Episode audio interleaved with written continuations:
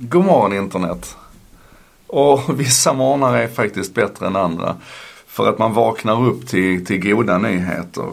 Um, min uppfattning är att internet gör störst skillnad för de som behöver det mest. Och då är det inte sådana som, som jag, eh, medelålders vita privilegierade män. Utan det är till exempel de som har en eh, funktionsvariation, som har någon form av fysisk eller kognitiv utmaning här i livet. Och internet gör jättestor skillnad för dem. Och nu i natt så var det två nyheter som fick mig att tänka på detta. Det ena det var att Airbnb, ni vet att vi kan, ja ni vet vad Airbnb är. Eh, där finns det ju filter så att man kan hitta boende med wifi och pool och balkong och dubbelsängar och allt vad det nu är för någonting. Men nu har man lagt till 21 nya filter som handlar om tillgänglighet.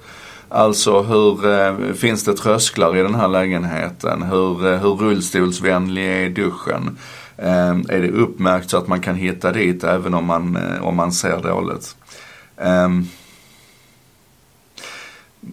och jag, jag, tycker det här är, det, det, är en, det är en sån bra grej för det är så enkelt när man väl tänker.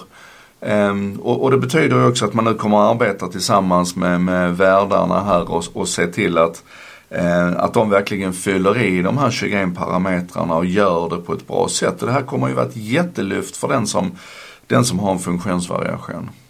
Och sen läser jag nästa nyhet som handlar om hur Google har lagt till en funktion i Google Maps. som också handlar om tillgänglighet. Och då har man alltså haft miljontals frivilliga ute. Ni vet i Google Maps så kan man bli det som kallas för local guide. Så då får man lov att göra lite grann mer med karttjänsten. Man kan fylla på med mer information, man har lite högre trovärdighet på de edits man gör. Jag är en sån local guide i Helsingborg bland annat. Men då har man alltså aktiverat det här nätverket av lokala guider, ursäkta, och skickat ut dem i tunnelbanestationerna för att avgöra hur tillgängliga de är. Så de har alltså de har mappat 12 miljoner platser nu i Google Maps. Så det är, än så länge är det de, de stora städerna. Det är London, New York, Tokyo, Mexico City, Boston och Sydney. Men ändå, vilken skön grej. Liksom, så trumma upp de här massorna av lokala guider och så skicka ut dem och så utifrån då fasta parametrar så ska de fylla i om den här tunnelbanenedgången är rullstolsvänlig, hur det funkar med hissar och sådär. Och man hade 200 fysiska meetups som, man, som, som Google stod som värd för. Där man, där man fick ut folk på gatorna att göra det här. Och jag tycker det här är så fint. Um, en, en, tidigare nyhet, för då, då, nu har vi pratat Airbnb och Google. En tidigare nyhet är vad, hur Facebook jobbar för, för till exempel synskadade ska kunna ta del av nyhetsflödet på Facebook.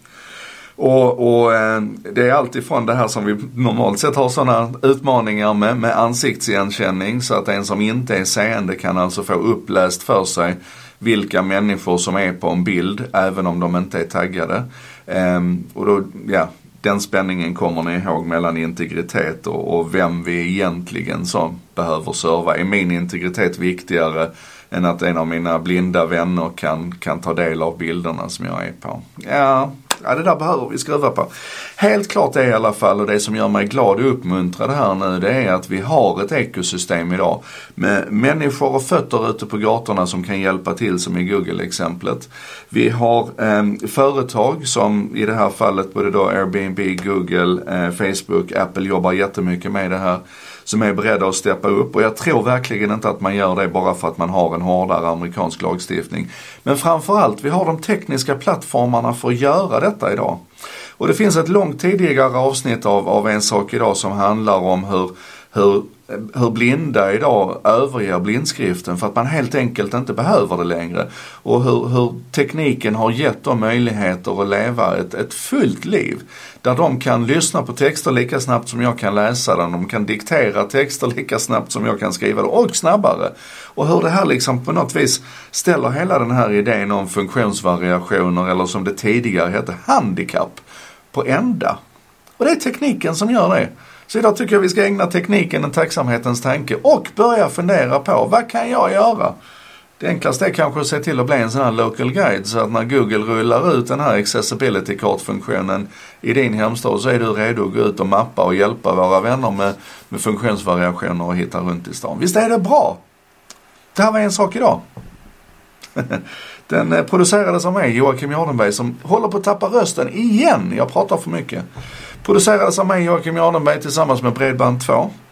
Internetoperatören som gärna lyssnar när andra snackar och som hjälper till att sprida det här budskapet så att fler kan vara med och snacka och till exempel lära sig om tillgänglighet. Ehm, det textas och översätts, vilket ju verkligen ligger mitt i målet för tillgänglighetstanken, av Contentor.